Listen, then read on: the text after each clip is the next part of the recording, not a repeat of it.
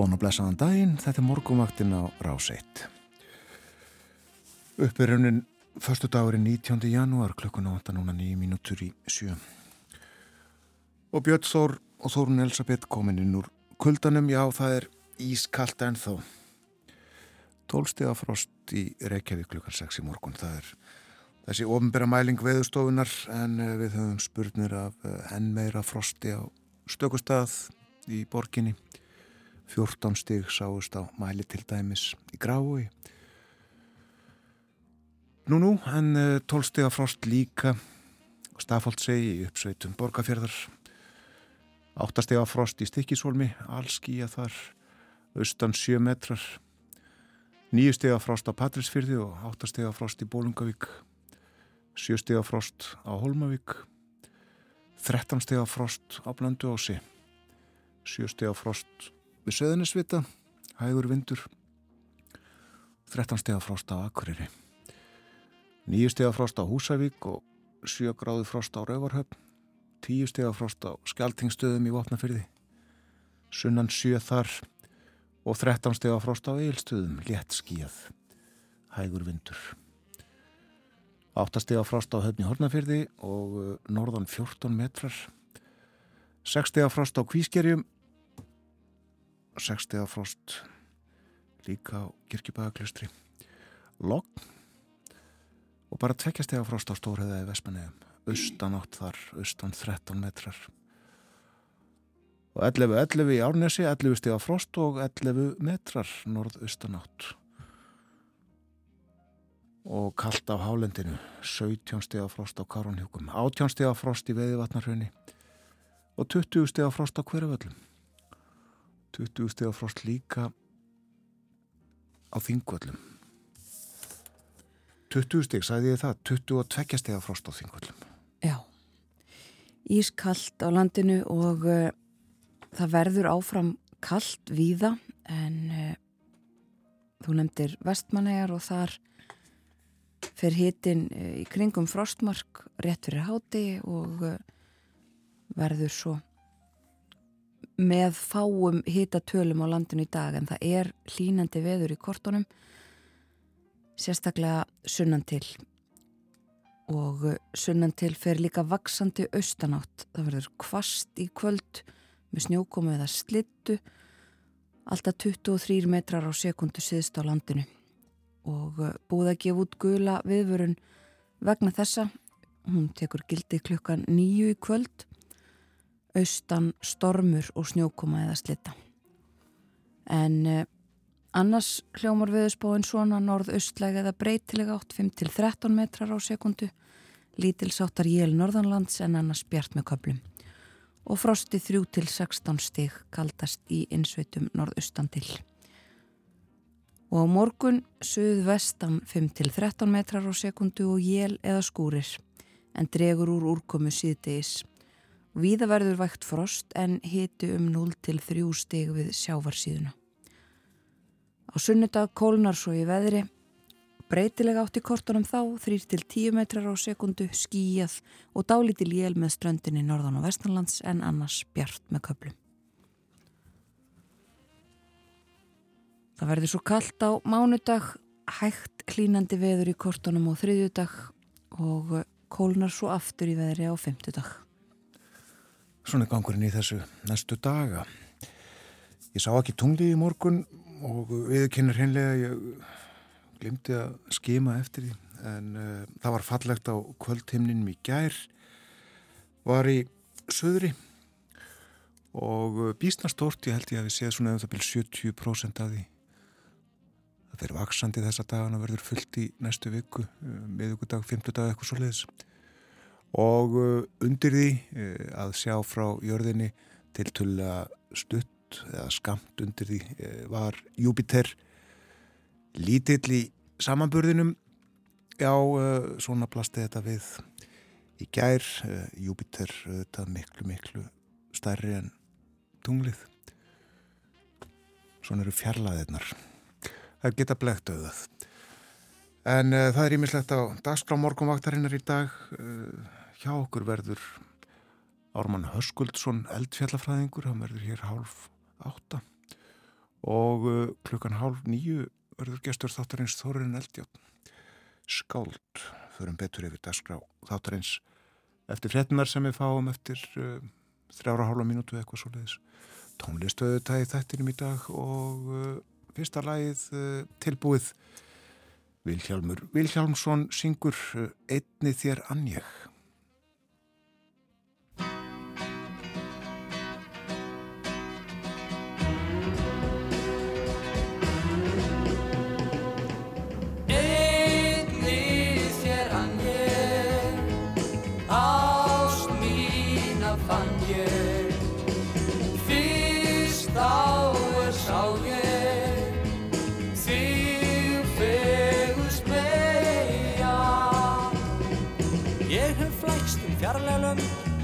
flakkað í þum heim. Stend í þvóttum strönd frá strönd og stikað á tveim. Ég stúlkur leit í löndum þar, laglegustu fljóð. En enginn þér ég mynda elvar, elskuleg og góð. Einni þér að hann ég, ást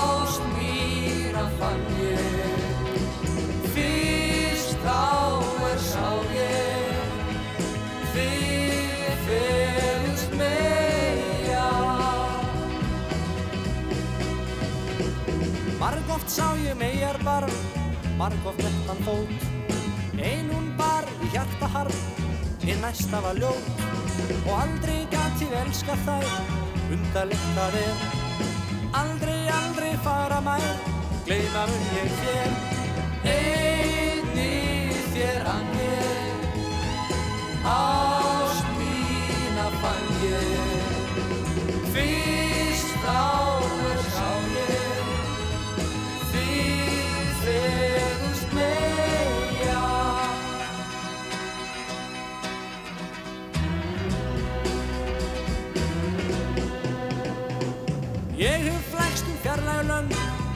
flakkað víður heim.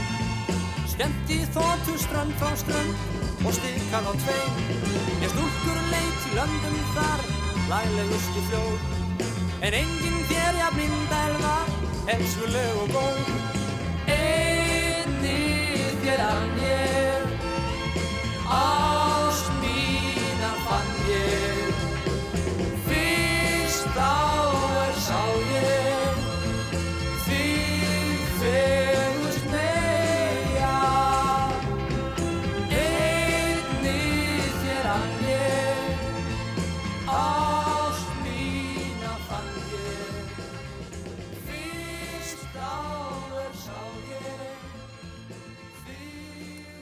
Vilhjálmur Vilhjálmsson, Villi Vill, einni þér annjeg, sungið þarna um ást við fyrstu sín, læð Erlend, Ólafur Gaukur gerði textan.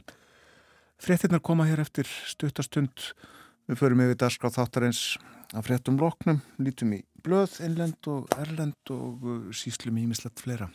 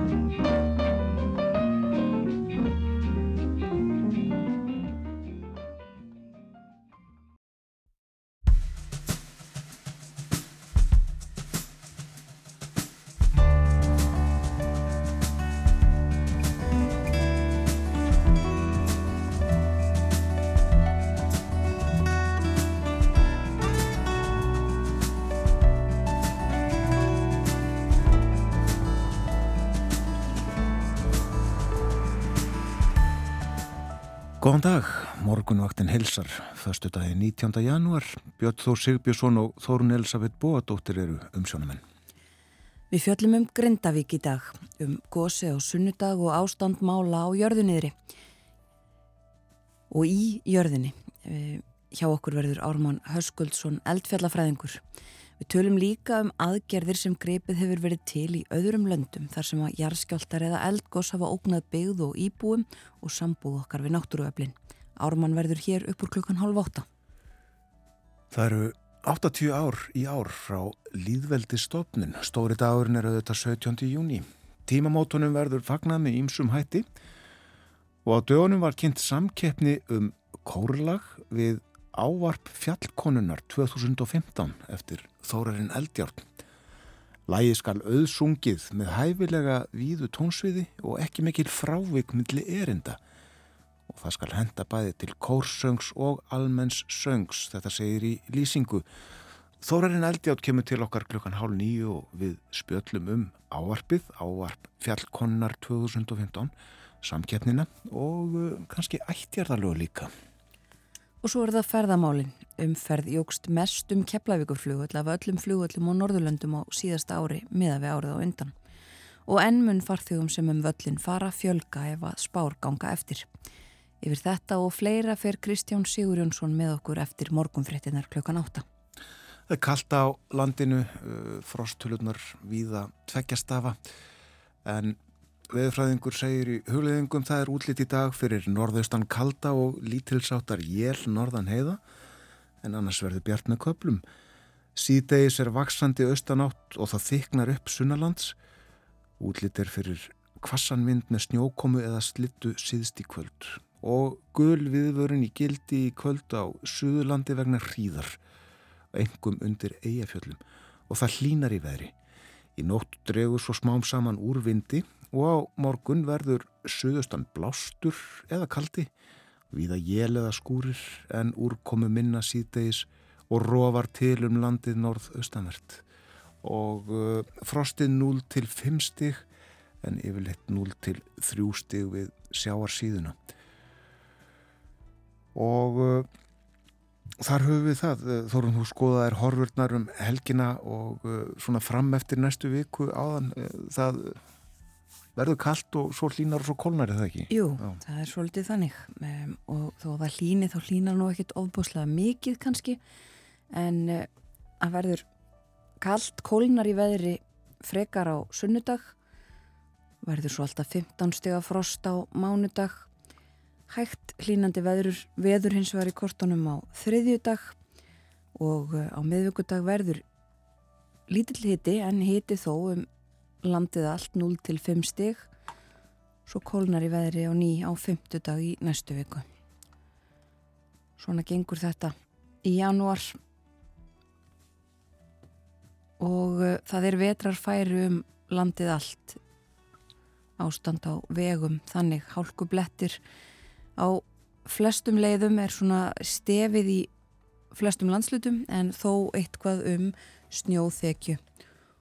Og uh, það á við líka í flestum landslutum ófært sumstaðar og flughált um, borgar sig að skoða við vegagerðarinnar umferðin.is þar er bæði hægt að lesa og uh, skoða kort sjá hvar er verið að móka og hvernig ástandið er á hverjum stað fyrir sig.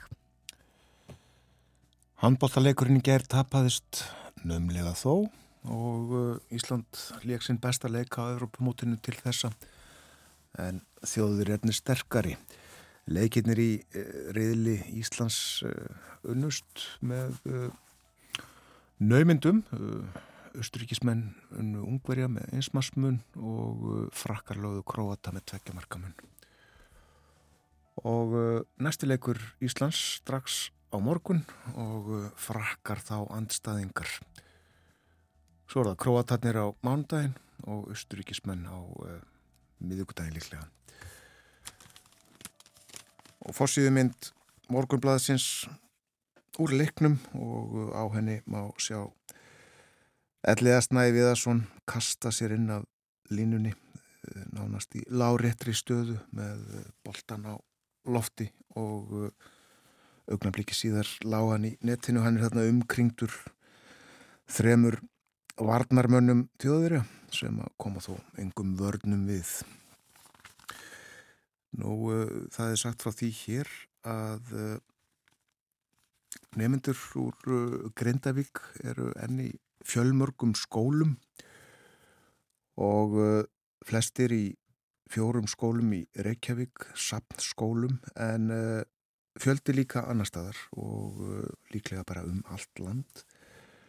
Rættir við Eistein Þór Kristinsson, skólastjóra grunnskóla Grindavíkur, hann segir í þessari óvissu allri væri mun betra að geta haft allan hópin saman. Það hefur hins vegar gengið illa hjá ríkinu að finna til þess húsnæði.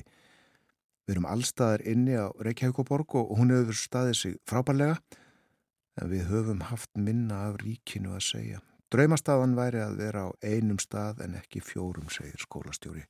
Grunnskóla Grindavíkur, Eisteit Þór Kristinsson. Ítalið var fjallaðan um þetta í blæðinu í dag. Hér er líka mynd sem að tekin var í Ölfusinni í gær eh, en þar var tekin fyrsta skóplustunga af eh, landeldisstöð Geo Salmon. Og þetta er fyrsti áfangin sem að ráðist er í fyrst, eðlega. Og uh, í honum á að reysa hús eða mannvirki uh, til þess að framleiða 7500 tónarlagsi en þegar uh, þetta verður uh, orðið eins og uh, til stendur þá er hægt að rækta þarna 24.000 tonn. Og fjárfestingin er upp á 30 miljardar gróna og haft eftir Jens Þórðarsinni sem er frangatastjóri Geo Salmon að aðstæðar til landeldis í Þorlásöfn séu líklega þær bestu á heimsvísu, hvorki meirinni minna. Hérna rétt aðeins innan úr morgunblæðinu, gliðnun segir hér, gliðnun og uh, harðar í tótt. Hér er ekki sem sagt verið að tala um uh, jærfræðina og reikiniska heldur stöðuna í kjaraviðræðinum sem að nú eru komnar á ís eins og segir hér eftir kostnaðamat samtaka atunlífsins og nýjar tilugur verðum af þessu á uh, miðjúktarskvöldið og uh, fjallavarum í gær. Uh, já, margi heldur að, að þetta væri alltaf að svona sigla í rétta átt til samkómulags en svo bárust þessar frettir í, í fyrrakvöld og uh, ný staða uppi. Lítum þá út í heim. Það uh, er fjallað um um uh, lagseldi sláturhús raunar á fórsíðu norska ríkisútursins NRK um, og búið að finna segir hér yfir 700 dæmi um listeri í sláturhúsum þar sem að lagsi er slátrað á rétt rúmu ári.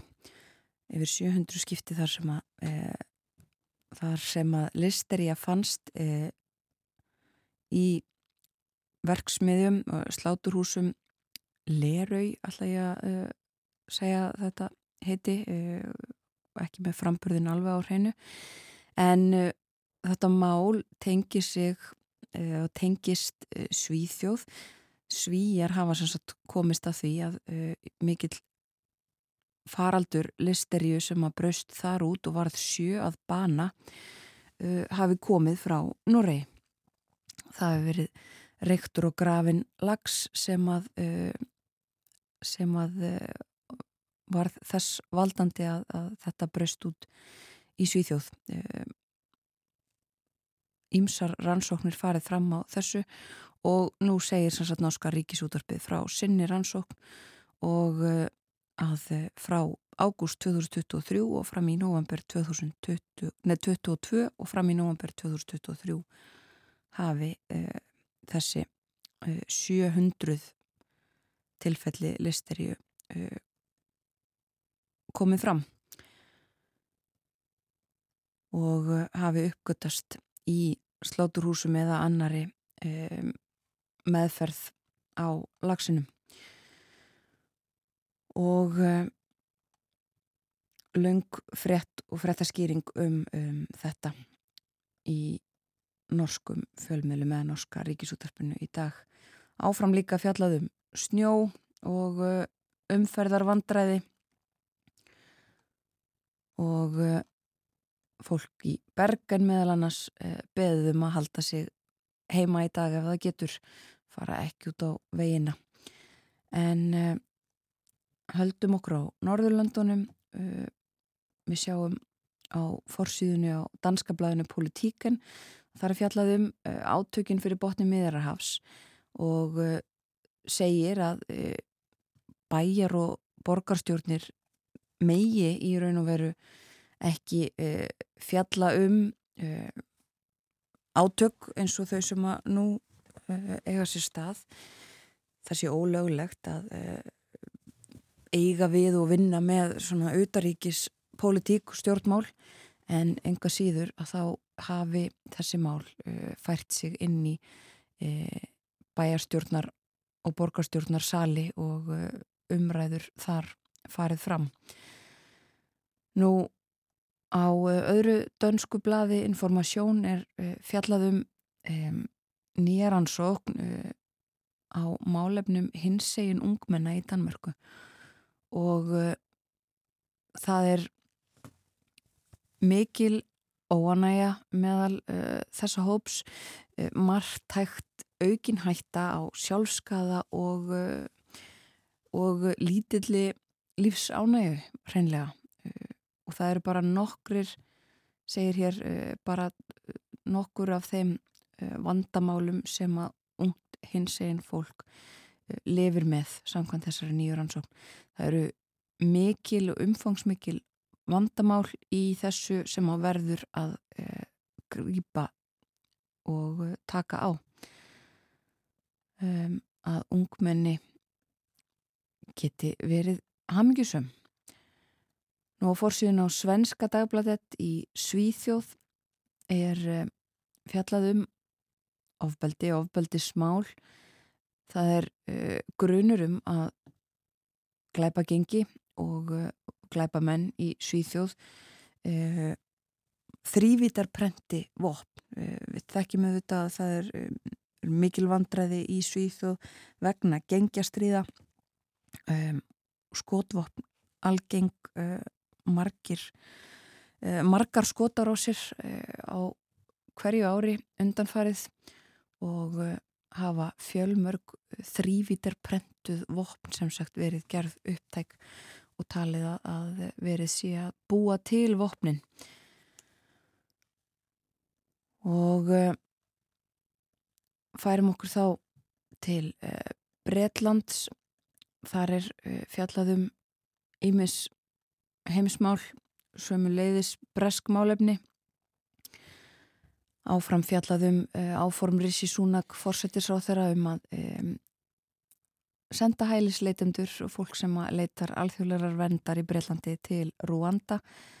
Uh, hann komst með það fremvarp í gegnum uh, neðri deild þingsins eins og við rættum hér í gerðmorgun í heimsklukanum með búa ákusinni en eins og kom líka þar fram að þá er búist við því að, uh, að lávarðadeildin breska taki þessu máli öðruvísi og Rissi Súnak sagður með ákall til uh, lávarðana uh, þetta er það sem fólkið vill ekki skipt ykkur af því.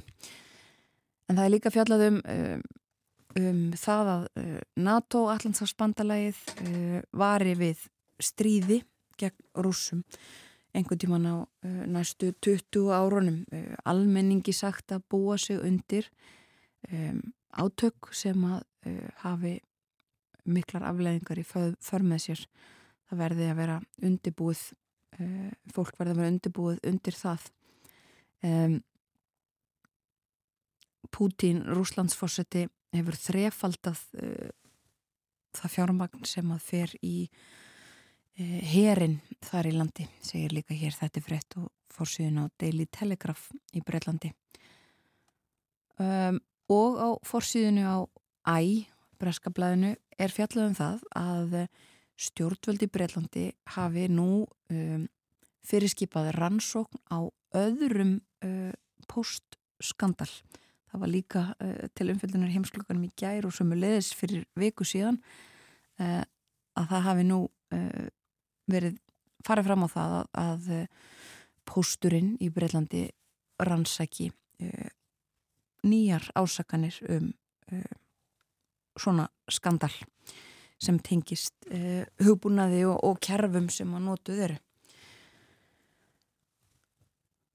Nú það er líka fjallað um eh, stöðum mála fyrir botni meirarhafs í breskublöðunum og sömulegðis þeim bandarísku fjallað um það að uh, Benjamin Netanyahu, fórsettir sá þeirra Ísraels, hann uh, hefur haldið áfram og gerði það síðast gæra hafna þeirri hugmynd að uh, stopnað verði sjálfstækt palestínst ríki eftir stríð Ísraelsmanna á Gaza.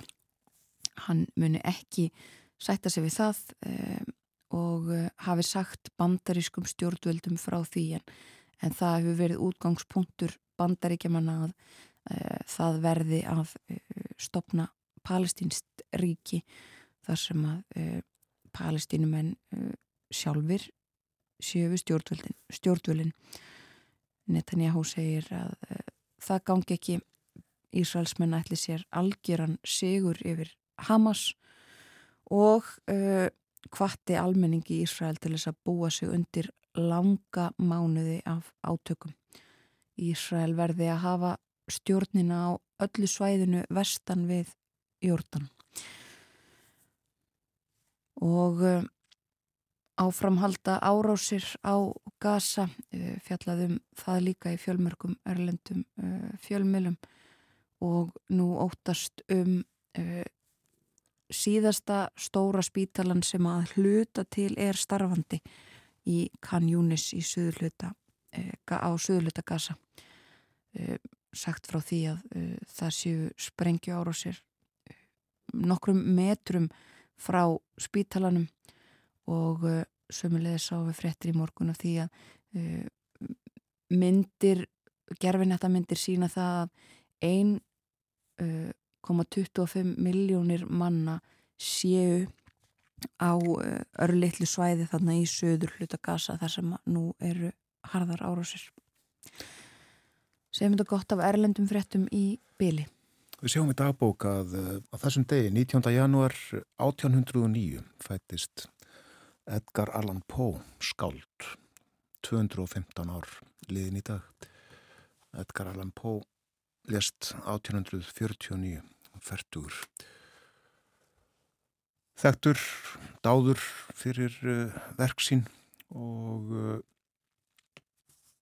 þektir hvæðans um hrappnin sem að eina Bendiktsson þýtti yfir á íslensku fjölmörg erindi en uh, það fyrsta er svona yfir mold sig miðnótt breytti, mættur, krankur, huga ég liti fyrri manna forn og kynleg fræði ímis er rættu þeir. Höfgi mér á kvarma þægt sé heyrist mér þá líkt og vægt sé drepið högg á dyrnar, hægt sé drepið léttum fingri heyr. Það er gestur, þuldi ég látt, við þrepskjöld dyr að knýja heyr, aðkomandi ekki meir.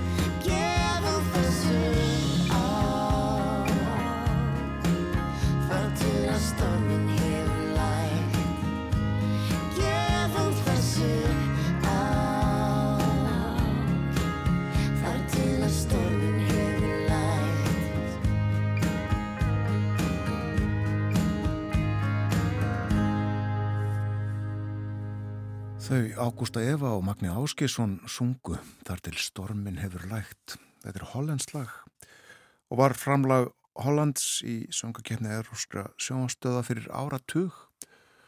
Hétt uh, Calm After the Storm var sungið á ennsku. Höfundurinn söng uh, Ilse Anoeska de Lange, hún uh, samtíða á samt fleirum reyndar og söng það með náunga sem ég held að heiti Wylon, eitthvað svo leiðis.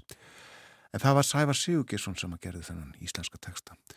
Og allt til að segja frá því að það stóð til að spila þetta lag í þettinum í gær þegar við uh, fjölluðum um hollensk stjórnmál forvitniðust um stöðuna í stjórnarmyndunar viðræðinum sem að þar hafa staðið í fáeina daga. Við töluðum við Edvard Hæpens háskólakennara í Hollandi en það kom Babi Bátinn í fyrradag líklega í þessum viðræðum um myndun nýra ríkistjórnar hafa kosið í nógumbermánuði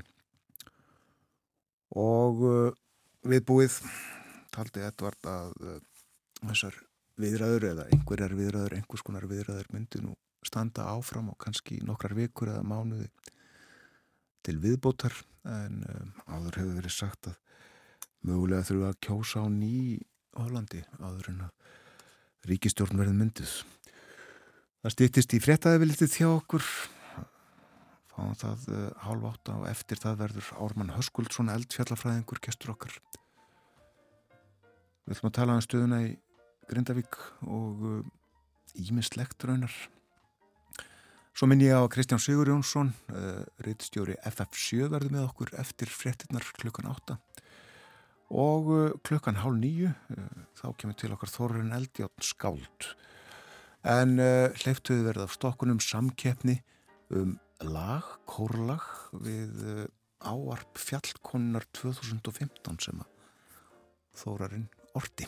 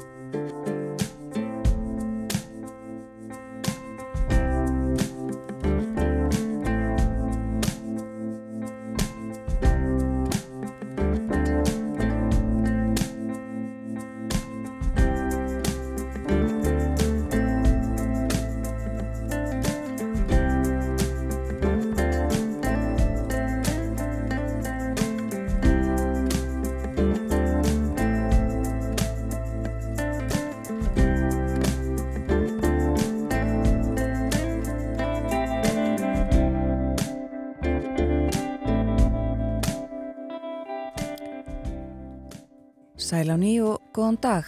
Þetta er morgunvaktin á rásitt. Klukkanarðin liðlega hálf átta þennan föstudags morgun. Það er komin 19. janúar.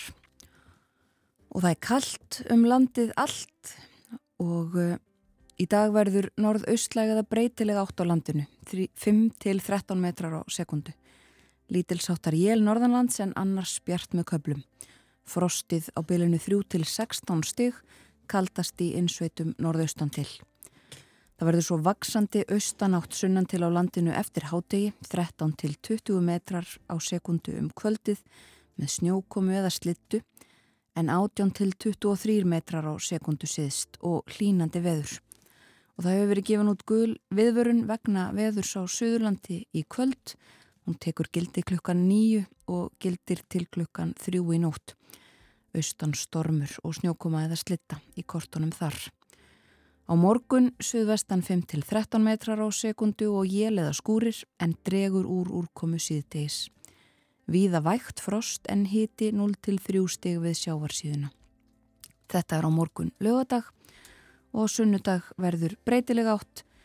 Hægur vindur 3 til 10 metrar á sekundu, skíjað og dálíti lél með ströndinni norðan og vestanlands en annars bjart með köplum og það kólnar í veðri á ný á sunnudag. Nú fjöllum við um gósið, eh, eldgósið í og við Grindavík á sunnudaginn, ástandmála og það sem kann að gerast á næstunni. Við fjöllum líka um sambarlega stöðu sem að upp hefur komið annar staðir í heiminum, þar sem bæir hafi verið rýmdir til lengri eða skemmri tíma og ennfremur fjöllum við um uppbyggingu þar sem vita er að hætta kann að stafa af náttúrunni. Hér er Ármann Höskuldsson eldfjallafræðingur, velkomin til okkar á morgunvaktina. Já, takk og góðan dag. Góðan dag. Allra fyrst kannski að stöðunni í Grindavík nú og, og að því sem að liggur fyrir eftir gósi á sundag. Veistu ímislegt meira nú en hann strax eftir helgina? Já, í sjálfum sér hvað gerðist. Það er náttúrulega var viðbúið að hafa komið eitt gósu upp á þessar sundarsprungu og þau koma öll úr þessa, þessari, þessi gósbæði koma úr þessari uppsöfnun sem hefur verið kent við svarsengi sem að kannski leifir okkur vona það að á endanum farið út í eldvörp og þá róist menn. En uh, núna vildi svo til að það fór í siðsta hlutan á sprungunni og, og sem að við höfðum nú reikna með og þess vegna var nú búið að byggja þessa varnagarða sem stóðu stoppbúrslega vel. Er, og þeir voru náttúrulega hannaðir með tilliti til vögvafræðilega eiginlega hraunsins og og landslags og fleira og, og hann er með uh, það að ljósi að, að raunnið yrði leitt í burtu. Og það tóks bara mjög vel en vissulega fór sprungarinn gegnum gardinn en það sem kom upp þar náði nú mjög lítið og var eiginlega svona já, erfitt að sprungan sjálf sem hreyfði sig, hún sem sagt raun sem kom upp þarna við varnagarðana það rann í gjanni niðrættir og við sjáum það á því hvernig, hvernig efnið er að það hefur sem sagt væði kristallast og, og, og sagt, við sjáum að það er búið að gjósa öðrum stað. Og efnið í þessu raunir sem kemur upp hérna rétt fyrir utan bæjamörkin er svona sambarlegt og við þekkjum allir þess að gerfi gíga það eru semst eldgóð sem eru búin að gjósa einu sem eru gjósa í annarskipti að því að þau rekast á eitthvað yfirborði. Og Þannig að það er ákveðin svona léttir að það, semst, það er ekki að koma beint upp undir Grindavík, heldur rennur það í gjánni niðrættir sko. Gósefni eru að einsum toga? Já, gósefni eru að einsum toga, stundum eru þau sprengivirk og kannski kostur þarna er að, að, að þau eru sko eiga síður, hafa síður tilneingu til þess að fara í sprengivirkni. Það er oflítið vatn í kvikunni og kvika er svona eins og sótavatn og getur haldið svona gösum í eh, vögvanum en svo þegar að þrýstingur léttir þá fer þetta út og, og svona sprengivirkni stjórnar svolítið af því. Og þannig að þarna á þessu sveiði þurfum við ekki að ágjöra því. En uh, svo þegar við komum inn á sko stærri megin elstöðarnar hér að þá eru uh, önnur hérna gilda aðra reglur því að þá eru komið meira vatni og eru Já. og sambarlegt er ef við förum annar staðar í heiminum að þá eru við yfirleitt með tilturlega vassríkar kvikur sem að, að hafa þá tilningu til þess að vera svona meiri að sprengi virk.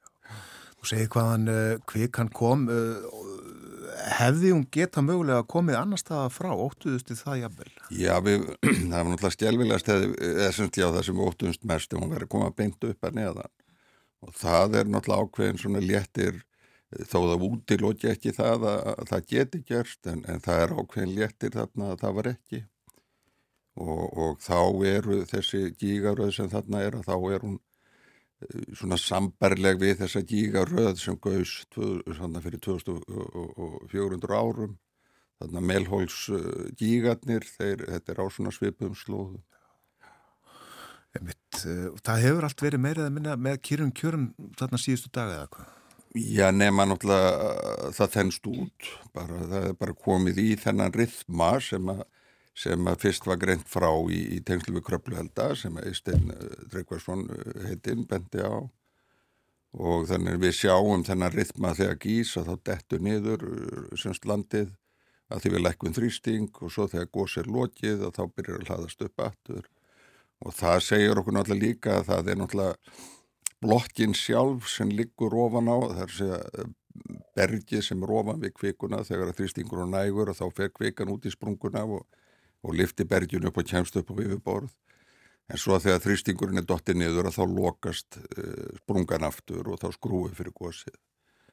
Og við svona kem kannski svona svolítið óvart en, en svo kemur í ljós hvernig þetta þróast en en á meðan að það næri ekki upp meiri þrýstingi þarna út í, í svartsengi og þar þá er nú svona síður líkur á því við fáum mjög stórt gós þá frekar þetta verði mörg svona lítil gós sem komu. Já, en er þarna undir uh, kraumandi ógrinni kviku?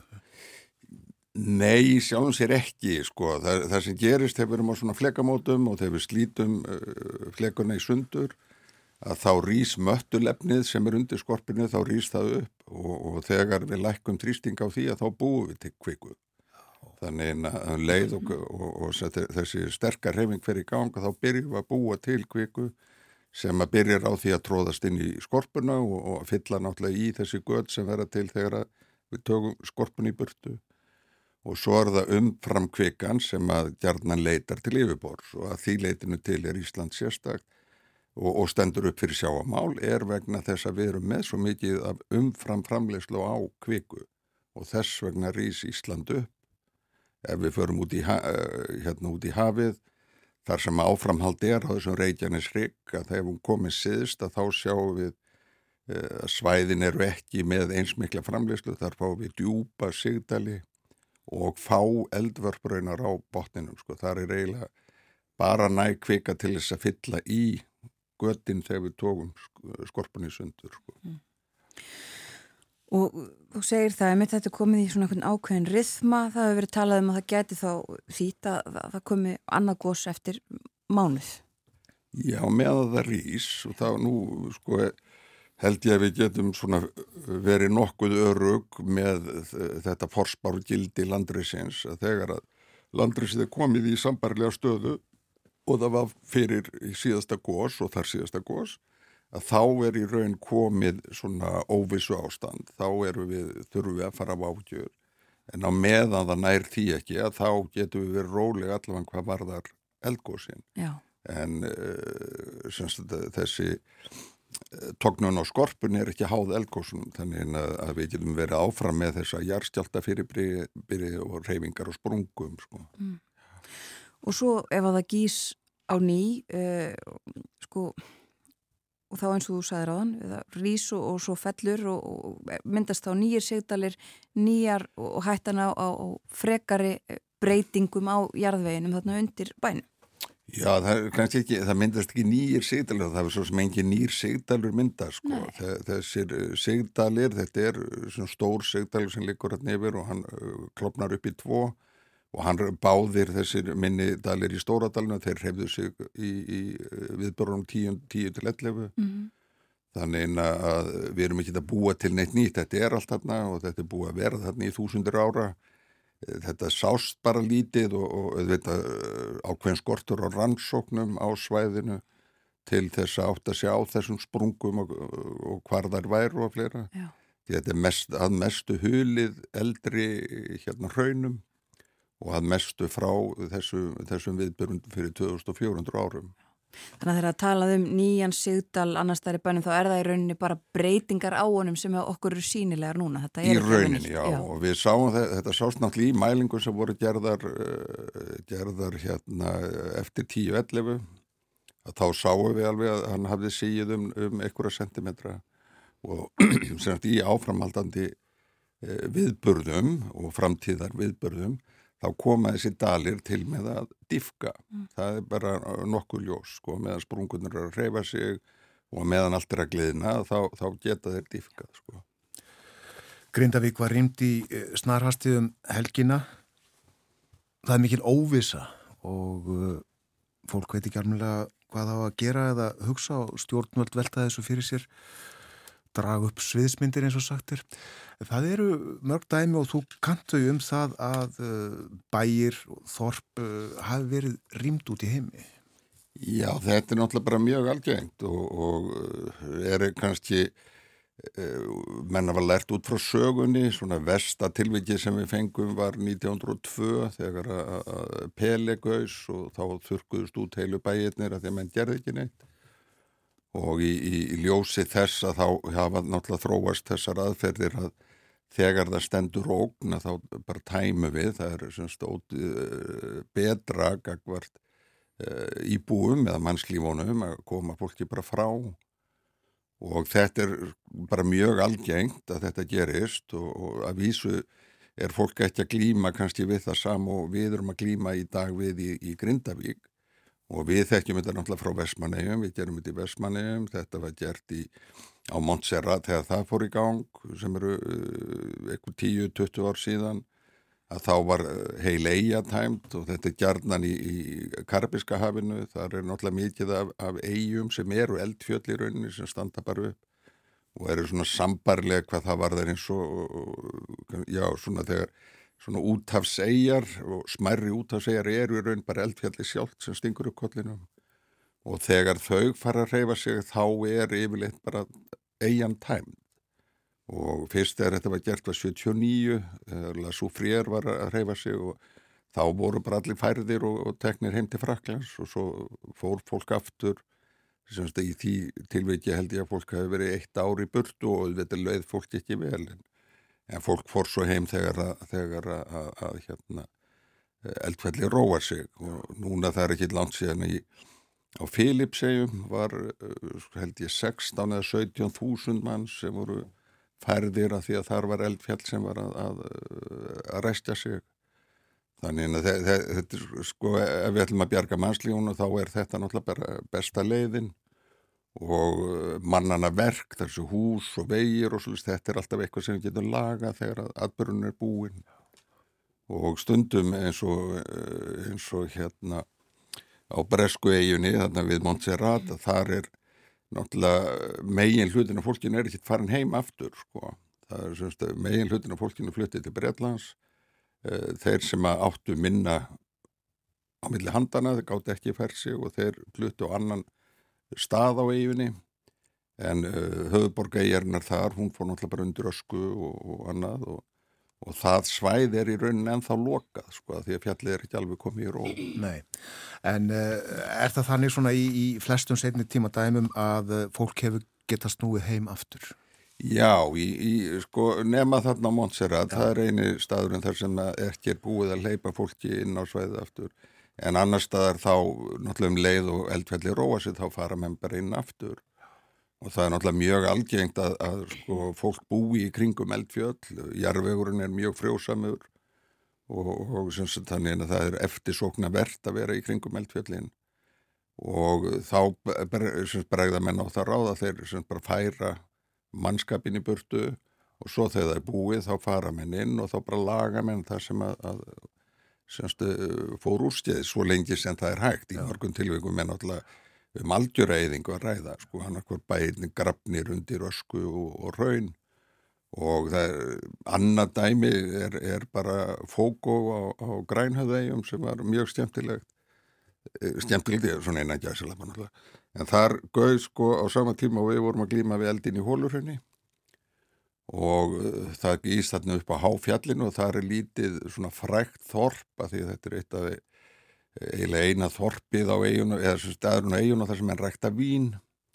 Og það var frakki sem var eh, sendur í útlegð í Fraklandi sem hafði komið þarna og byrjað þessa vínrækt og, og þess vegna var þetta þorp sem að í búa eitthvað um 10-15 þúsund manns.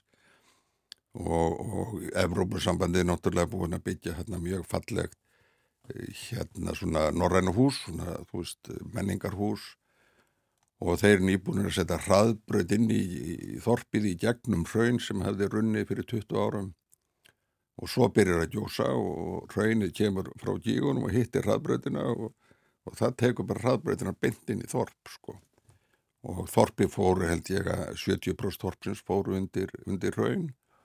Og þegar við komum þarna út uh, einhvern sex mánuðum eftir atbyrðin að þá var fólk bara búið að sletta stóra hluta raunsins og fara að byggja aftur sko. það var bara ofan á heitur rauninu og þau voru ekki trætt við það í sjálfum sér skiljiði en, en sem, það getur kannski ekki alveg æskilegast en, en aðaladri er átt að sjá því að þegar við byrjum er búin þá getum við slakað á í svolítinn tíma Já. og það er alveg klárt með, með Grindavík og, og svæði þarna út á Reykjanesi að þegar að þessar reyfingar eru gengnar yfir að þá verður engin reyfing á þessu næstu 700 árin og þá geta menn slakað svolítið á sko en að kannski að hafa það í langtíma minninu að þetta getur komið aftur þó það líði svolítið langu tími. Er þessi hlið mála uh, kend í eldfjallafræðinni? Já, já, í eldfjallafræðinni þá förum við náttúrulega, sko, eldfjallafræðin snýr svolítið mikið að uh, efnunum sjálfum, stilja eldgósin og sérstaklega að geta farið uh, út í mörkina og skoða gömul eldgós og reynda átt að segja hvað gerðist í eldgósinu og, og allt það.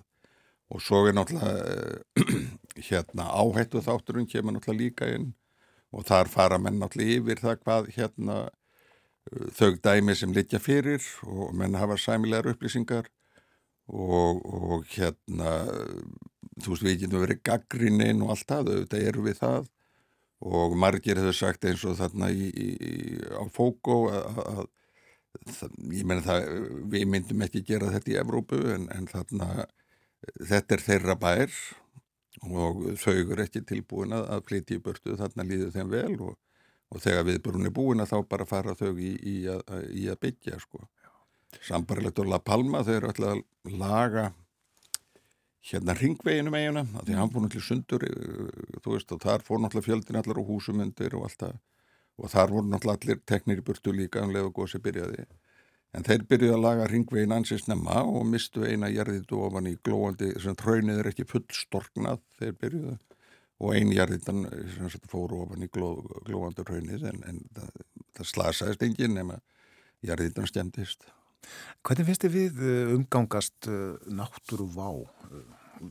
Þegar tekið, uh, það er að segja hvað varðar uppbyggingum mannvirkja og Já, ég held sko með að við í hverslas landi við erum þá svona við erum að lagast. En, en hér áður fyrir var þetta náttúrulega alls ekki, alls ekki rætt. Það, það reyðir svolítið af innansveitarkróningum hvar menn byggðu upp þorpin og við lærðum þetta svolítið í, eftir uh, snjóflóðin sem að, að náttúrulega voru mjög skadaleg og allt það.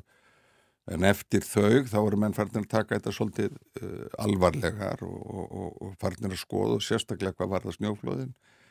Við höfum minna að skoða þetta með eld, eldfjöllin, það er alveg klárt. Og það er engin svona heilstæð áætlun til neinstadar eftir því sem ég veit sem tekur tillit til þess hvernig Uh, hérna, tillit til eldvirkninnar og, og hvað getur gerst þar. Við erum náttúrulega með nokkur, sko, hér á Reykjanesvæðinu er eiginlega öll uh, þéttbíli svæðin, þau eru uh, þeim stendur ógn af, af því sem hér gerist. Eiginlega eina, eina undatekningin er, er sem sagt Njarvík, Keflavík og, og flugvöllurinn og Sandgerði og allt það.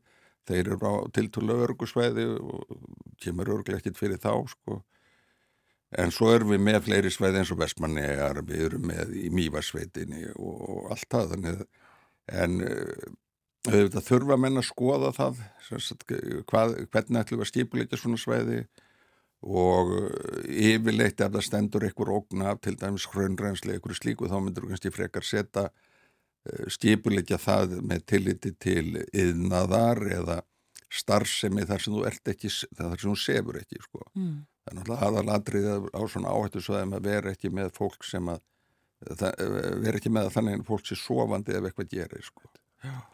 Og við vitum uh, það mikið um þetta svæði allt saman að, að uh, við vitum hvað er óhættið að rétt að gera eða þú veist það allavega hana og Ég- hvar ber að, að reysa varnagarða á þarfndugutum. Já, við, sem sagt, við vorum í stóru verkefni, tveimur á vegum Evrópusambandsins. Þar sem var einmitt verið eh, sem á, hófst náttúrulega því lauk eh, sko, með, eh, 2018 og þar var einmitt verið að skoða þetta hvernig við getum metið svona svæði og hvernig við ættum að fara að því að meta svona alheitustu svæðin þar sem hvar getur gósið og, og svoleiðis. Og síðan afleðingarnar hvað, hérna, ef það byrjar að gjósa hvað getur gerst og, og, allt það. Og þetta var náttúrulega fjölþjóðlegt verkefni eh, innan Evr- semst, já, fjármagna Evrópsamhandinu og út frá því getum við unnið sem hefur við búin að finna út hvar er líklegast að við fáum eldgósin þá getum við byrjað að fara teka næsta skref sem er að nota hermilíkon til þess að sjá hvernig raunin renna af svæðinu eða ef það sprengi gós hvert hérna gósmakkurum fer og fleira og, og þá getum við semst farið að skipulegja Já. og í rauninni byrjuðu við á þessu sko, þe- þetta er eiginlega búið að vera í gangi frá sko 2010 eigafjallajökulskosinu og uh, fyrsti þáttur í þessu verkefni var uh, forveri verkefni sem var unnin með uh, háskólum í Genf þar sem tekið voru fyrir helstu sprengi í eldfjöllin. Og þar notum við hermilíkön sem að- líka eftir gósmekki og í því tilveiki not- tókum við fyrir köllu, við tókum fyrir heklu og tókum fyrir östju. Og svo reiknum við út líkurnar á því hvert askan fer og við reiknum út líkurnar á því hvað getur askan orðið þykk í ákveðinu fjarlæðu alltaf og þegar menn eru komið með svona gögn í hendurnar þá geta menn farið að spá um framtíðina. Og uh, það þarf að gera þetta fyrir Reykjanesið uh, með hlýðsjóna því hvar, allt svo já, hvar á að reysa varnagarða? Já, það er alveg klárt að því við, við getum þetta og, og það sem við þurfum að gera núna, við, við reiknum með því að þessi, þessir atbyrði tæki kannski 100-200 ára ganga yfir allan skagan og þá er ekkit setna vætna að setjast niður og skipulikja og með þessari aðferðarfræði þá getum við séð út hvar helstu ströymar hraun að verða og þá getum við byrjað að skipulikja en við þurfum ekki að fara að byggja eitthvað reysa varnagara strax, aðalatri er að hanna þá. Og það vitt svo til núna með gardin í, Grindavík að við byrjuðum að hanna hann 21 Stílu, við, þetta er ekki, þessi er ekki bara ruslað upp á einni mínútu og, og að vísu er sko varnagarðun sem þannig var byggður og, stóð sér vel var fyrsti garðunum sem var byggður í Vestmannegjum og það voru heimamenn sjálfur sko. Já. Ármann Höskulsson þakkaði fyrir að vera með okkur á morgunvaktin í dag. Takk tjálega.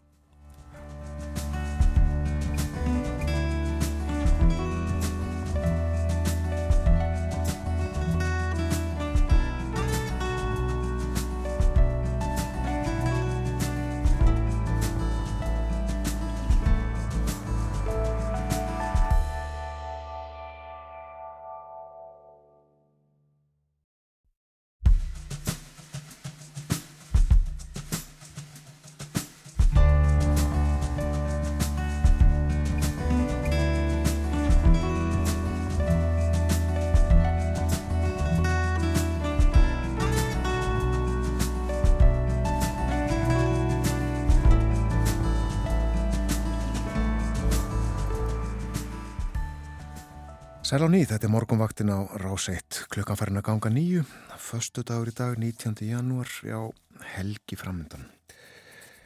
Ármann Höskuldsson eldfjallafræðingur satt hjá okkur hér á það við uh, spjöldluðum um stöðumála í Grindavík og á Reykjaneskaganum og fórum okkur vítt og breytt, töluðum um uh, rýmingar, bæja, þorpa út í heimi vegna jarðskjálta og eldgosa og uh, líka um uh, varnargarða og uh, hvernig við getum varið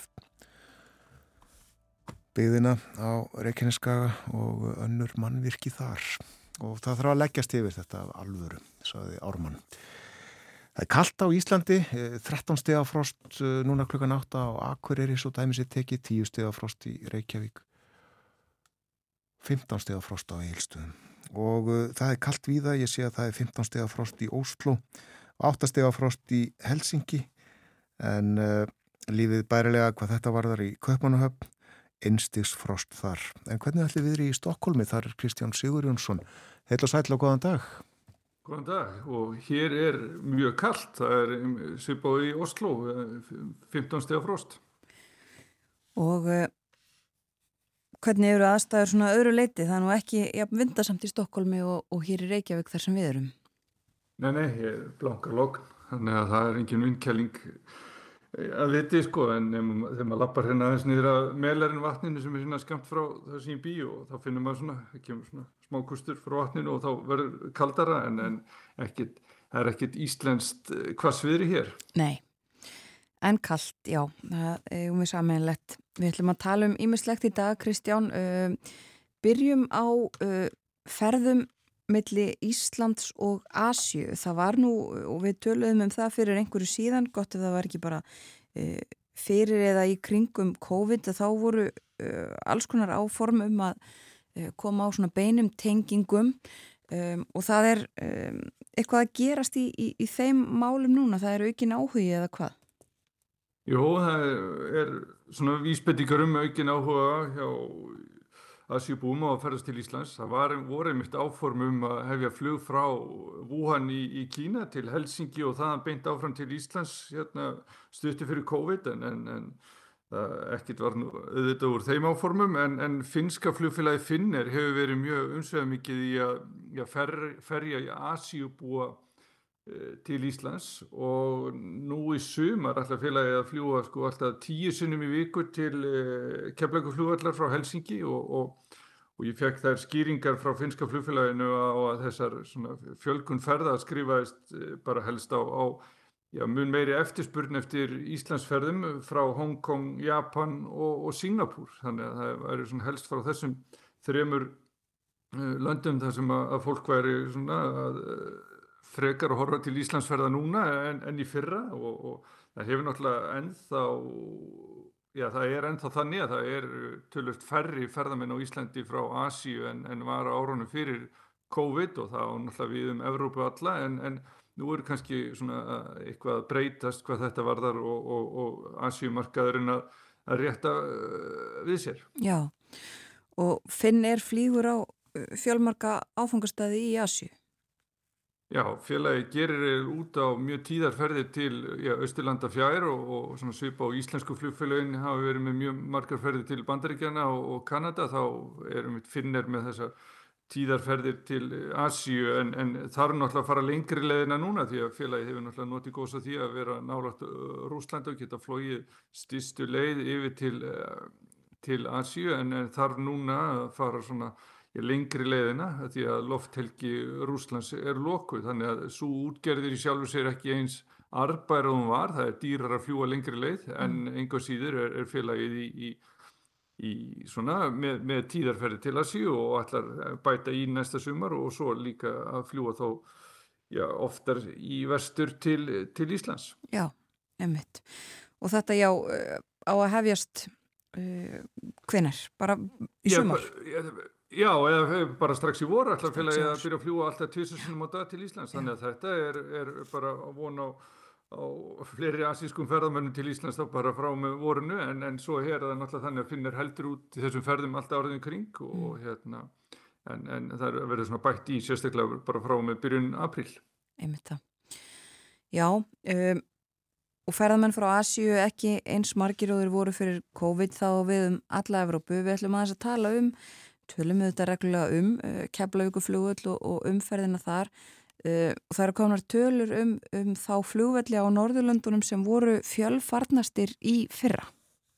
Já og, og ef maður tekur saman þann lista fyrir þær tölur sem flugmálauguvöld í, í hverju landi fyrir síð byrta þá sést að Kaupann og Hafnaflugvöldur er aftur orðin fjölfarnasta flughöfn Norðurlanda. Það voru 27 miljónir farþegar sem áttu leiðum Kastrup í fyrra áránum fyrir COVID. Það var fjöldin upp í 30 miljónir þannig að það er það tölurverður samdráttur ennþá en, en svona frá, ef maður ber saman sko aukninguna frá árinu 2022 og svo 2023 þá eh, fjölgaði farþum í kaupmannahöfnum um 21% en, en vöxturinn var já, langmestar á keflaguflugulli, það er fjölgaði farþum um 27% en keflaguflugullur á líka ennþá nokkuð í að ná sömu sama fjölda og, og árið 2018 og 2019 en enga síður þá er sagt, viðspyrnan mest á keflæku flugvelli við getum sagt sem svo og þar voru 7,8 miljónir farþegi fyrra. Þannig að það er og spáð ennþá meiri aukningu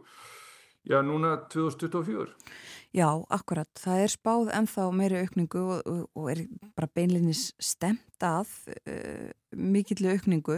Um, en þá veldur maður auðvitað fyrir sér því hvort að ástandið í, í Grindavík og ég kannski líka óvissunum blá á lónið mun þetta setja stryk í reikningin? Já, ég held að það megi eiginlega fullir að það hafi allavega einhvern einhvað áhrif að einn vinsælasti ferðamannastæður landsins sé lokaður og, og umræðan um já, stöðu grindvikinga er bara mjög ábyrrandi í erlendum fjölmjölum. Ég get nefnt sem dæmi að í morgunfréttonum hér í Svíþjóð í vikunni þá var fyrsta frétt klukkan 7 það var staðmála í Grindavík og önnur frétt var, var um forval republikana í Æhóa fylki sem var svona heimsfrétt en, en, en eins og ég segi Grindavík var fyrsta frétt þannig að þessi umræða er mjög mikil í erlendum fjölmjölum og, og og svona kannski erfitt að sjá fyrir sér að hún, já þessar hamfarir að það er, já laði ferðamenn til landsins akkurat núna. Það er alveg, fókusin er eitthvað neginn, já þetta er bara graf alveglegt ástand og maður nýmynda sér að þetta frekar fæli frá en, en, en, en hitt. Einmitt og uh, það hefur verið talað uh, svo litið um þetta eh, Jóhannes Þór Skúlusson, framkvæmdastjóri samtaka ferðarþjónustunar, sagði held ég bara í gæri eða eitthvað svoleiðis það yrðir hennilega að finna einhverja leiðir til þess að uh, opna lónið, það væri uh, bara svo mikið undir bæði fyrir ferðarþjónustuna og, og bara hafkerfið á Íslandi í kjölfarið?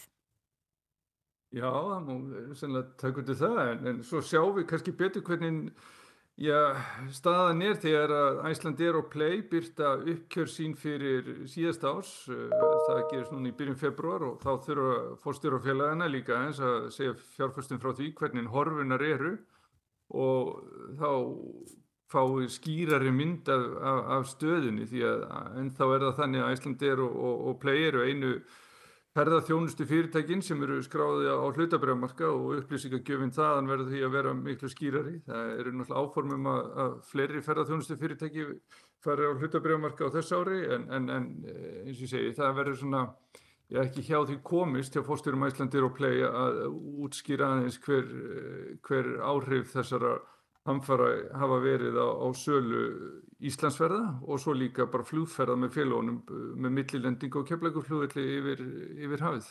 Akkurat. Og uh, kannski áfram svolítið tengt Grindavík því að við fylst vel með því á FF7 uh, sko, skamtímalegunni, uh, skamtímalega sem að kannski helst er uh, Airbnb Uh, og nú eru bóðaðar uh, breytingar á, á því hvernig það fyrirkomulag er hér á landi. Já, ég, ég spurði mitt Liljutak Alfredsdóttur á þeirra ferðamála og Kristórnu Frostadóttur formann samfélkingunar uh, hvort að takmarka ætti sko leifi um skamtíma leigu til að breyðast í húsnæði skorti grindvikinga því að við sáum það til dæmi síðastliðið sumar að þá vorum 2500 íbúður eða húst Eh, auglist á hjá Airbnb yfir sumamánuðina og þannig að þetta er mikill fjöldi og í svari Lillitakar segir að í vinslu er frumvarp sem verður kynnt þá núna í februar um, að, um hvernig takmarka megi gistiregstur í atvinnuskinni íbúðarhúsnaði. Það er sérst ekki verið að horfa til þeirra sem eru bara að leia út, ja, einstaklingar sem eru að leia út í alltaf 90 daga ári heldur þeir sem eru að kaupa íbúður í, í í blokkum annar staðar gaggjert til þess að reyka þeir sem svona gistaðstuði allt áriðin kring. Þannig að þá reyna að takmarka þessi umsuf en það er ólíklega hægt að gera það afturvirt þannig að það er þá bara, það verði ekki gefin út ný leifi fyrir þessu. En uh, formaði samfélkingarinnar segir að, að staðan sé svo að nú búi bara fjölmarki grindvikingar í sumabústöðum, atvinnuhúsnað og hjá vinum og vand, vandamönnum og, og, og þá verði að svona, skoða herta reglur um heimagistingu því að það séu einmitt þúsundir íbúða tekna frá fyrir ferðamenn eins og staðin er í dag og, og það verður náttúrulega að segjast alveg og er sko með þetta mikla frambóð á, á íbúðum í skamtímalegu og þar er náttúrulega mikið til þetta uh, fólk eða einstaklingar sem er að leia út í, í stuttan tíma. Það er náttúrulega er ekki að sjá hversu stór hluti af frambóðinu er, eru bara hótel íbúðir en, en það er alveg ljóst að það er töluvert. Það hefur, sjáum við bara á umræðu í síðustu ára. Já, akkurat, en það hefur svolítið ekki verið kortlagt, við veitum ekki hvernig þessi skipting er, hvað þetta eru margar íbúðir sem eru bara einmitt eins og segir beinlinis, ég er eiginlega reknar eins og hótel allt áraðum kring. Já, það er allir til hægt að fá þær en, en það er, sko, hluti af vandamálinni er að fólk er ekki sérstaklega duglegt við það að skrá sig fyrir heimagistingu hjá síslumanni eins og lögin gera ráð fyrir að, allir eigi að gera. Það, en ég held að séum þriðjungur á frambóðinu er, er skráður, tveir þriðju óskráður, þannig að það er náttúrulega vantar tölverður upplýsingar hvað þetta varðar og, og sem er ekki gott. En e, þannig að það er erfitt að gera sér grein fyrir því nákvæmlega hvert frambóði er og, og þessi gögg frá Airbnb þau koma ekki frá fyrirtækinu sjálfu heldur eru ferðamálastofa kaupir þau frá sérstaklega greiningafyrirtæki því Airbnb veitir yngar upplýsingar raun og veru um umsug sín nema uh, yfirvöld farið fram á það Já Akkurat. En þannig að ef þetta nær fram að ganga þá verður það þannig að það verður að vera skilgreynd atvinni húsnæði þar sem að uh, svona uh, starfsemi fer fram hérðan af eins og segir ekki hægt að gera þetta afturvist. Já, mikið rétt. Já, en þannig að þetta kannski miðar ekki beinlinnis að því að leysa húsnæðisvanda grindvikinga til skamstíma ef að frumvarpið kemur ekki fyrir næsta mánuði og þá þarf það að fara í þinglega meðferð. Nei, það er, það er þannig, en, en það er, maður finnur samt svona að það er ákveðin uh, þungi til dæmis í, í málflutningi samfélkingarinnar hvað varðar heimagistingu, mm. uh, flokkurinn bóðaði ákveðin svona kjarastefnu í lók síðast ást þar sem meðal annars að vísa til uh, húsnæðismarkaðarins og, og hversu umsjöða mikið þessi ferðamannamarkaður væri á, á, á, á íbúðmarkaðu og það þyrti að hérna, herða eftirlit með, með þessu og herða reglunar og, og og það er áhugast að, að fylgjast með hver já, takturum verður í þessari umræðu núna næstu, næstu miseri. Já, við fylgjumst áfram með því. Takk fyrir að vera með okkur í dag, Kristján Sigurjónsson, reittstjóri FF7. Takk fyrir mig.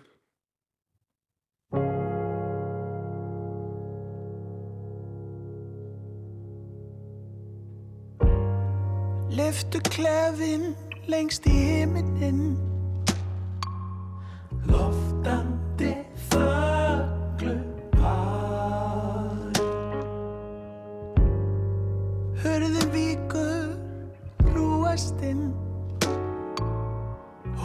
Bye.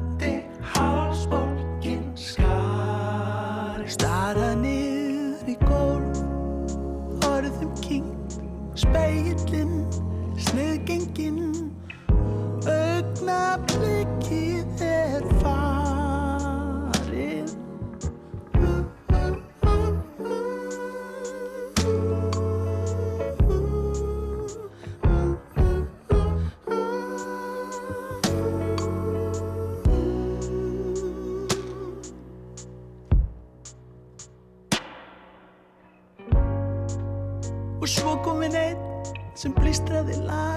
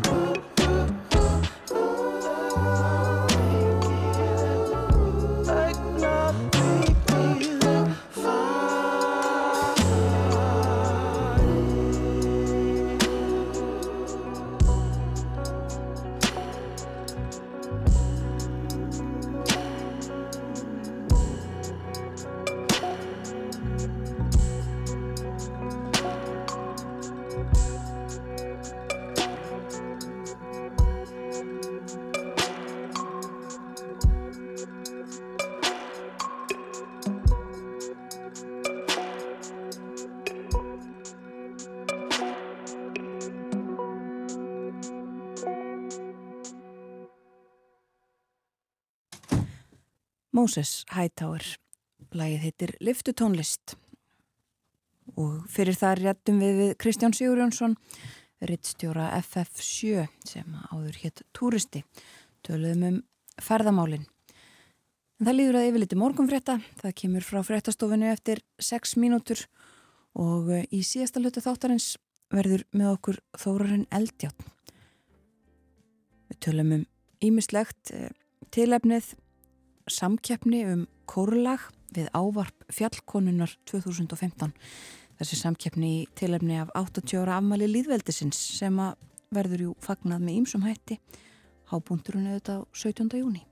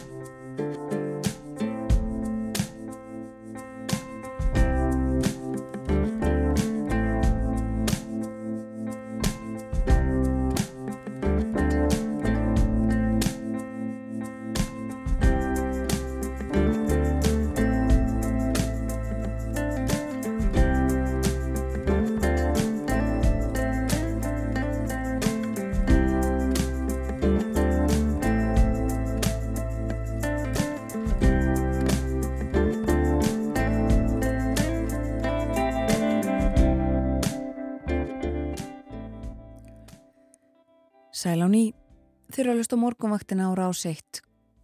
Klukkan rúmlega hálf nýju þannig förstudags morgun, það er 19. janúar í dag. Og það er kallt og verður kallt viðast hvarum landið í dag. Frostið á bylinu uh, þrjú afsakið til 16 stig og það verður kaldast í einsveitum norðaustan til. Það er hlínandi viður í kortunum uh, eftir því sem líður á daginn, þá kannski sérstaklega við sunnan til á landinu þar sem er vaksandi austanátt í kortunum eftir hádegi. Tölvert kvast 13 til 20 metrar á sekundu í kvöld með snjókum eða slittu en ennþá kvassara síðst á landinu alltaf 23 metrar á sekundu og jafnvel kvassara í vindkviðum sérstaklega undir eigafjöllum. Það hefur verið gefin út viðvörun fyrir söðurland gul viðvörun vegna austan storms og snjókumu eða slittu í kvöld. Það verður aðeins skaplegra viður á morgun, suðvestlega eða breytilega átt, 3-10 metrar á sekundu, snjókoma eða slitta með köplum en stittir upp sunnan til síðdegis. Frostið 0-10 stig en um eða yfir frostmarki síðust á landinu. Það kólnar svo á nýji veðri á sönnudag en þá verður líka breytilega átt 3-10 metrar á sekundu, Bjart með köplum en skíjað og daglíti líjel með ströndinni norðan og vestanlands. Og þá aðru, í ár eru 80 ár frá Líðveldi stopnun. Líðveldi var stopnað með formlegum hætti á Þingvöllum 17. júni 1944 og má geta þessi framhjárlöpi að það var 22 steg af frost í nótt á Þingvöllum. En þessum tímamótum verður fagnað með ýmsum hætti og meðal annars með samkeppni um lag, um kórlag við ávarp fjallkonnar 2015 eftir Þórarinn Eldjárn. Þetta er skemmtilegt, það er ekki oft sem að enn hefur verið til samkeppni á borfið þessa en það hefur þó verið gert áður í fáeinskipti og það var ju gert 1944 einmitt í tengslum við líðveldi stofnunina. En Þorurinn Eldjarn er komin á morgunvaktina, velkomin og góðan dag. Já, góðan daginn. Já, ávarp fjallkonnar 2015, uh, þetta er eins og heiti gefið til kynna, ávarp fjallkonnar sem að flutt var á Östuvelli 17. júni, þarna 2015 og uh, Katla Margrit Þorgestóttir var fjallkonna það árið, er það ekki? Jú, hún flutti þetta. En það heitir einfallega ávarp fjallkonnar 2015. Já, þessi fjallkonu ávarp þau eru nú, þetta er svona, já, verk sem eru pöntuð hjá, hjá skaldum og um, alltaf nýtt á hverju ári, hér áður fyrir þann og stundum voru notuð eldri ljóð, skilst mér, en öll síðustu ár hefur, hefur ekkert skald verið fengið til að yrkja þetta. Og ég var eh, fenginn til þess 2015 og þá stóð aldrei sérstaklega á vegna þess að þá voru hundrað ár frá því konur fengu kostningarétt og mér var uppálegt að minnast þess í þessu ljóði. Þannig að, að það var svona skilirði sem fyldi Svo núna þegar eh, komist var að þeirri niðurstöðu að einmitt þetta ávarp eh, væri heppilegt til að nota í þessu uh, korsöngs uh, atriði sem að tilstendur að, að vera með í sumar.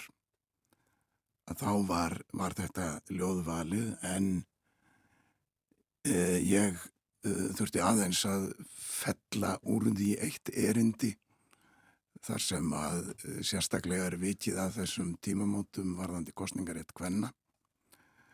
Af því að það átti ekki beint erindi núna og til stóð að nota bara fyrstu tvö erindin en ég sá að það var, var hægt að nota þriðja erindi með því að breyta aðeins orðalagi í byrjun og þetta þótti bara heillar áðu og, og var ákveðið að nota þetta svona Já. þrjú erindi. Verða sungin þrjú erindi. Var það ekki ánægilegt á sím tíma uh, vera beðinum að yrkja ávarp fjallkonnar? Jú, jú, það ég, ég hafði reyndar einu sinni áður verið í því hlutverki. Jú, jú, þetta er bara skemmtilegt og, og heiður og átjæðis hefð. Varstu hvernig þetta gekk fyrir sig á sím tíma? Var þetta glíma? Að koma þessu saman? Já, já, bara eins og alltaf, en þarna í þessu tilfelli 2015 þá ákvaði ég að, að hafa bragarháttinn drótt kvæðan eða það er kannski betra að kalla það e, létt drótt kvætt, það er að segja að það er sjálft brag skemað og, og e, línufjöldin og, og innrýmið og allt er á sínum stað en alveg sleft að brengla orðaröðinni út og söður eins og er nú í gamlu dróttkvæðun.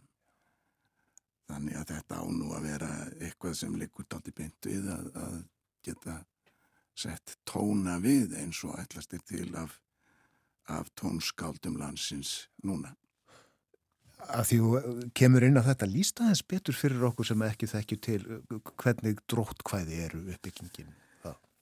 Já, dróttkvæður áttur er í aðalatriðin þannig að það eru átta línur og um, um,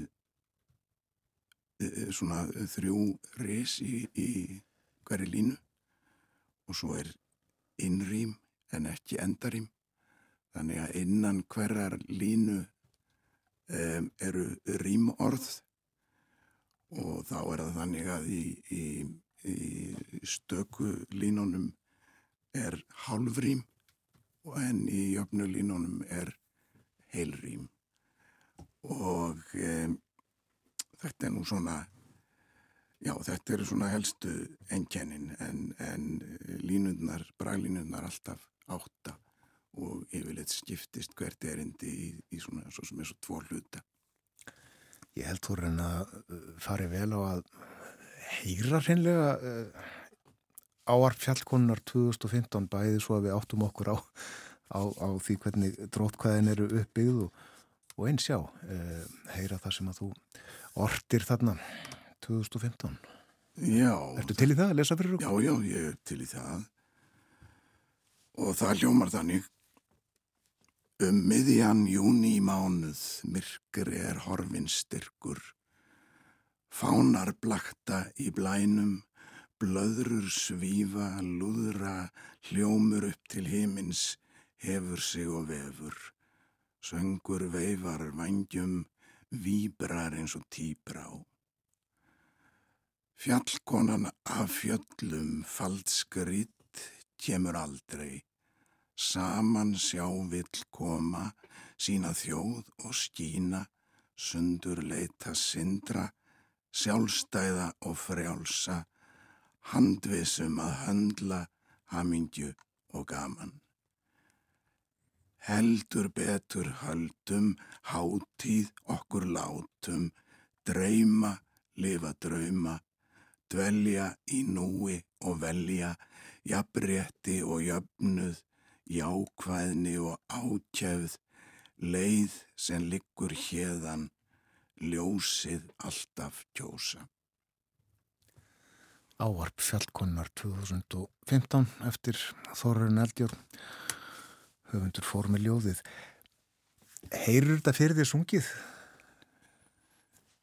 Um, já, ég, já, já, já, ég get alveg uh, ímynda mér eitthvað í áttina að því þó ég sé nú ekki, ekki tónskáld en ég held að það sé, sé ekkert sérstaklega flókið að, að semja eitthvað við þetta. Nei. Og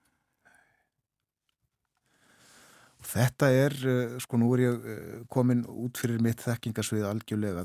Þetta er það sem að, eh, eða í ætt við allavega það sem að hér áður fyrir var kallað og er kallað svo sem en ættjarðar ljóð er það ekki? Jú, ég held að megi meg nú segja það sko en um, spurningin er þá hvað er ættjarðar ljóð, ég held að þá sé nú yfirleitt verið að meina einmitt einhverja svona uh, lofgjörð til ættjarðarinnar sem gætna er þá líst sem þeirri bestu í heimi. Þetta er nú svona uh, venjulegi skilningurinn og ég vil þetta ennú svona likur það í loftinu þetta sé nú kannski frekar úrelt fyrirbæri en, en auðvitað eru líka má segja að séu ættjarðar ljóð öll ljóð þar sem uh, skáldið tjáir ást á landi sínu, náttúru þess og menningu og tungu og það er auðvitað uh, gegnum gangandi þráður í ótalmörgun ljóðum uh, án þess að um sig að ræða endilega að það sé litið á það sem ættjarðaljóð í þessum skilningi. Þú þetta uh, ortið mörgljóðin um, um tungumálið. Já, emitt. Og kannski landi líka? Já, ég, jú, jú, ég hef, hef ortljóð um svona eða sem eru innblásin af íslenskri náttúru og það auðvitað að maður skáld gert á öllum tímum og, og gera enn og, og, og bæði fyrir á síðar. En ættjarðaljóð er auðvitað með ýmsu móti. Um, en við tökum bara, ég við skulum bara segja eins og Ísland far selda frá hún, Jónasar Hallgrímssonar sem er að sjálfsögðu eh, ættjarðaljóð.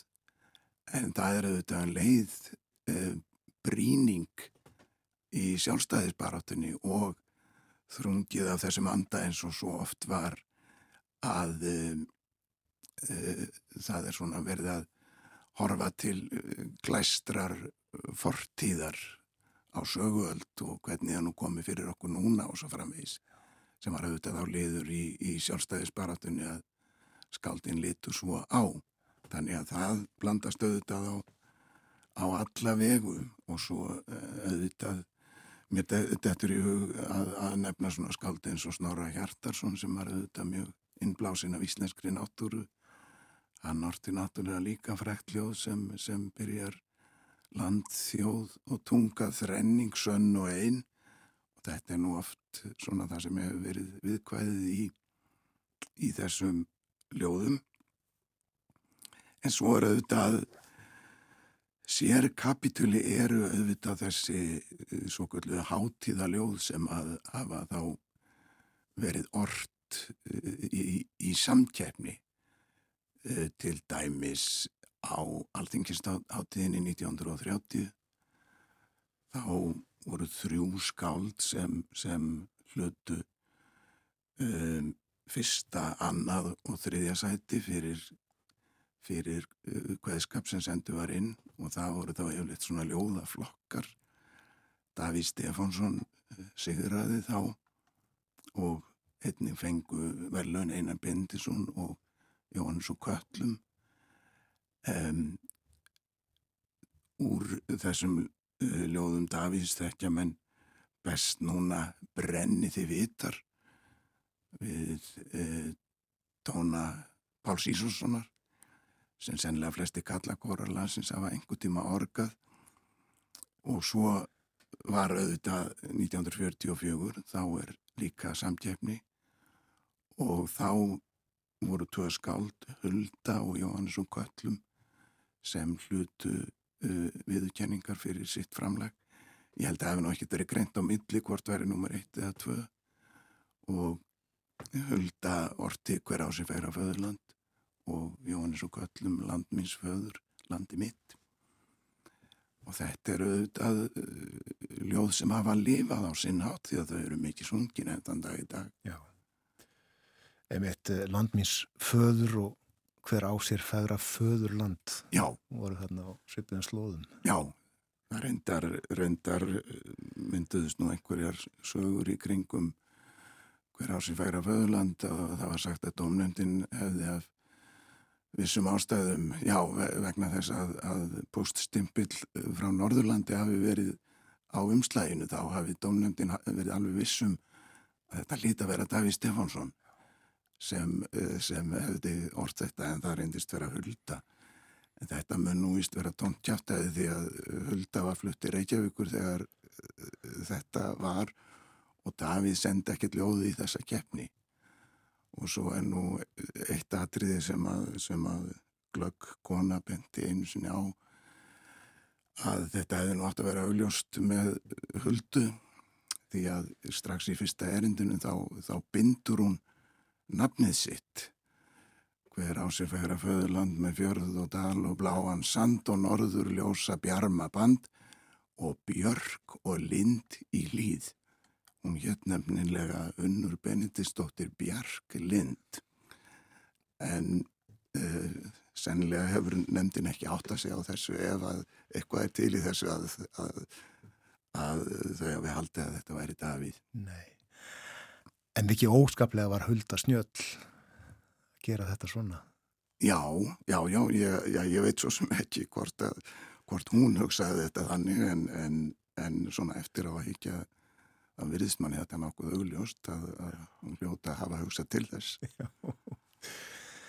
En uh, frestu til að skila einn tilögum að uh, lægi við ávarp fjallkonar 2015 er núna til 12. februar og uh, það er afmælis nefnd líðveldis afmælisins sem að efni til þessara sangkeppni í samvinni við samtök íslenskra kóra og kórstjóra og uh, í lýsingu segir lægið skal vera auðsungið með hæfilega víðu tónsviði og ekki mikil frávik milli erinda og lægið skal henda bæði til kórsöngs og almenns söngs.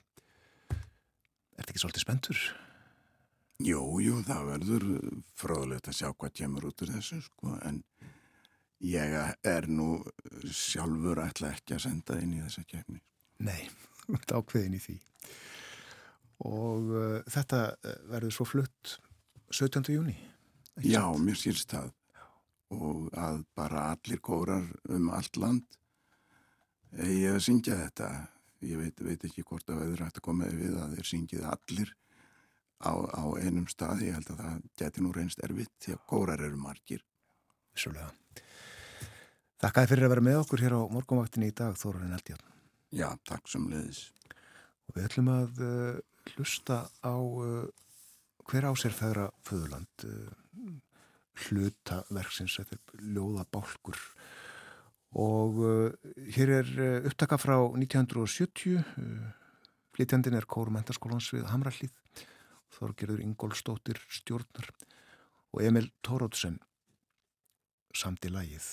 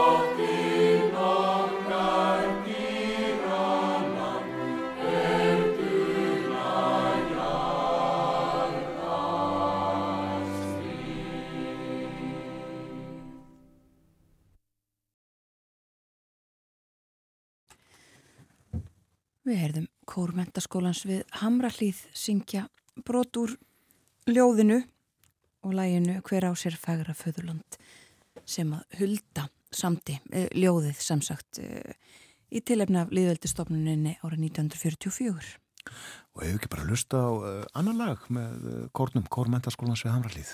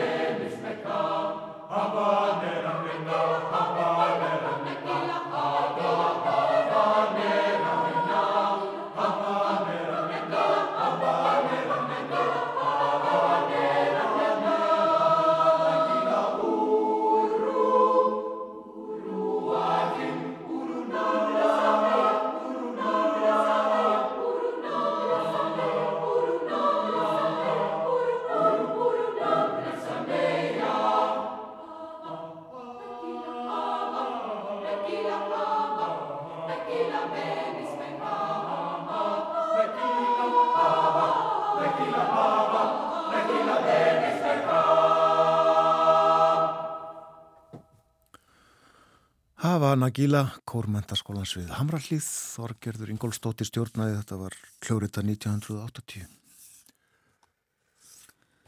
Þetta var síðasta atriðið á efniskráni morguvaktarinnar, á efniskrá morguvaktarinnar í dag. Við höfum verið hér frá því snemma í morgun, Björn Þór og Þórun Elisabeth. Rendar einsetningi viðbóti í handriti og uh, það er handbólti á morgun. Næsti leikur íslenska karlalandslisins í handbólta er þá. Annar leikurinn á fjórum í þessum milliriðli og uh, það eru frakkar á morgun. Þeir eru segir. Þeir eru segir og eru þeir ekki, uh, já þeim hefur gengið vel, þeir eru efstir í þessum riðli sem stendur og leikurinn já á morgun, svo á mánudag og svo á miðvíkudag. Komi, komi tími til að frakka tapi, segjum það. Já, segjum það og uh, leikurinn klukkan 14.30 á morgun. Þetta uh, fylgst með þessu öllu saman og þetta í beitni útsendingu í sjónvarpinu hér á Ríkis sjónvarpinu. Aðeins að öðru, það eru margar matallir á landinu og sprottið upp víða á síðustu örfá árum og uh, enn er að bætast við matöll. Víkufréttur segja okkur því að með vorinu þá opnar matöll á uh, Ásbrú, gamla varnaliðsvæðinu og uh, hún verður uh, í húsnæði þar sem áður var veitinga á skemmtistæðurinn Top of the Rock. Og mun kallast Matöllin Völlum. Og það er rétt hér við forsvarsmann hennar Kjartan Eiríksson. Og hann segir að þarna verði hægt að fá japanskan, indveskan og ítalskan mat það er meðal þess að maður líkur fyrir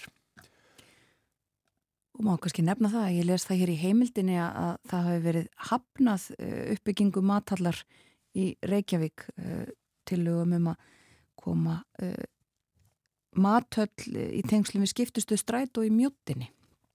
Já, Ymsafréttir af matöllum.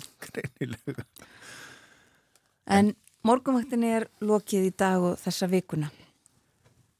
Við verðum hér að sjálfsögðu á okkar stað á mánudagsmorgun. Morgunvaktin býður góðan dag þegar klukkunum vantar tíu myndir í sjö. Tökum okkur hins vegar hlýja nú yfir helgina. Já, þakkum samfélgina á þessum föstu degi vonum að þið hafið það gott í dag og um uh, helgina Verðið sæl.